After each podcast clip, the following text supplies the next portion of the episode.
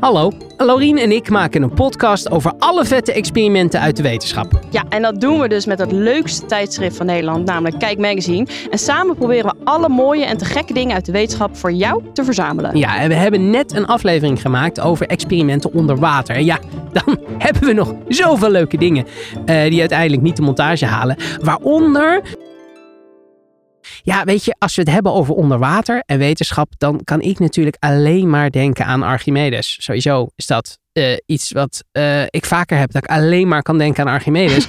hij zou namelijk in een bad hebben gezeten uh, terwijl hij nadacht over een moeilijk probleem.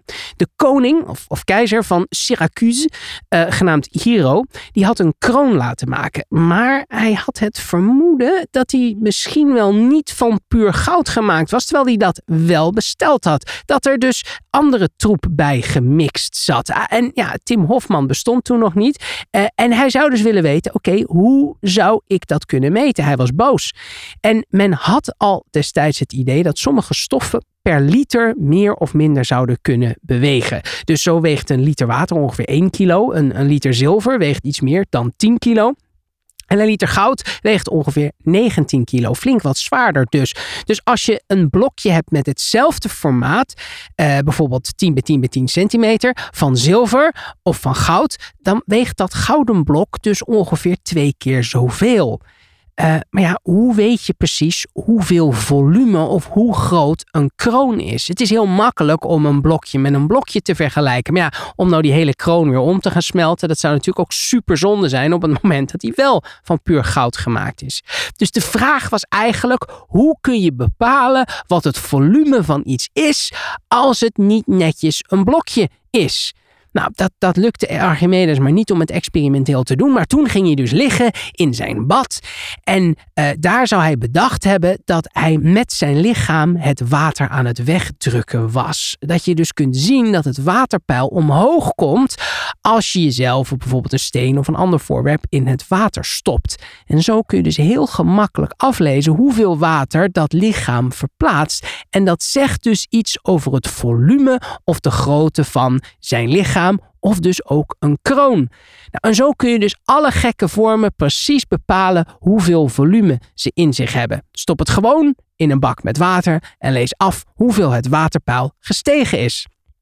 Nou, hij zou dus volgens de overlevering uit bad zijn gesprongen en Eureka hebben geroepen. Oftewel oud-Grieks voor ik heb het gevonden.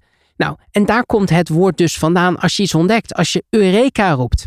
Nou, de kans dat hij dit daadwerkelijk zo geroepen heeft op dat moment is waarschijnlijk alleen niet zo heel erg groot. De eerste keer dat we hier namelijk van horen is van Vitruvius, de Romeinse schrijver. En die deed dat 200 jaar na zijn badmoment.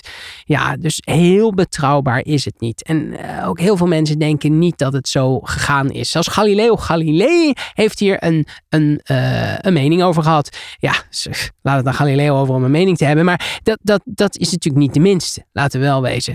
Um, het is in ieder geval een heel erg mooi verhaal over goud en intrige en koningen en naakte wetenschappers die door de straten rennen. Um, en, en ja, dan heeft dat, dat soort verhalen hebben gewoon de neiging om te blijven hangen. Dat zoiets blijft leven. Archimedes was overigens wel echt een held hoor. En heeft heel veel dingen bedacht en uh, ook experimenteel uitgevoerd. Um, en ja, het is gewoon een mooi verhaal dat we wat dat betreft altijd moeten blijven vertellen. Precies. Want het legt je een hoop uit over dichtheid en de wet. Van Archimedes. Bam. Ja, nou en vond je dit al een leuk feitje wat je ongetwijfeld vindt? Want hè, ik bedoel, Dierik vertelt het ook nog eens ontzettend leuk. Dan moet je dus ook echt even naar de volledige podcast luisteren van Het Experiment. Want daarin vertellen we nog veel meer toffe verhalen over vroege ontdekkingen, ontdekkingsreizigers. Maar natuurlijk vooral experimenten. Want dat thema staat centraal in onze podcast. Maar Diederik, uh, rest mij nog te vragen: was die kroon van goud? Ja, dan nee. Nou, eh, zover ik, ik begrepen heb, heeft Archimedes daadwerkelijk ontdekt dat uh, er meer water verplaatst werd dan dat een klomp puur goud van hetzelfde gewicht zou hebben gedaan. En dat hij dus tot de conclusie kwam dat de kroon, de kroon, de, de kroon, de kroon, dat de kroon uh, niet van puur goud uh, gemaakt was. Dus en zijn, dat er dus iets toegevoegd is Er zijn koppen gaan rollen. En nou ja, dat, dat weet ik dan weer niet. Maar ja, ik moet eerlijk zeggen dat uiteindelijk een kroon van puur goud, daar heb je ook niet zo heel veel aan. Veel Want te zacht. dat is heel erg zacht. Dus misschien. het ook heel zacht. Zacht, ja. dus misschien, een soort hoorspel. Maar misschien dat het dus ehm, dat de, de, de, de, de smid eh, dat gedaan had om die reden. Maar waarschijnlijk niet. Waarschijnlijk probeerde hij hem gewoon op te lichten. Een te aan te naaien. naaien. Precies. Maar ga dus luisteren naar de podcast. Ja, absoluut. Het experiment. Ja.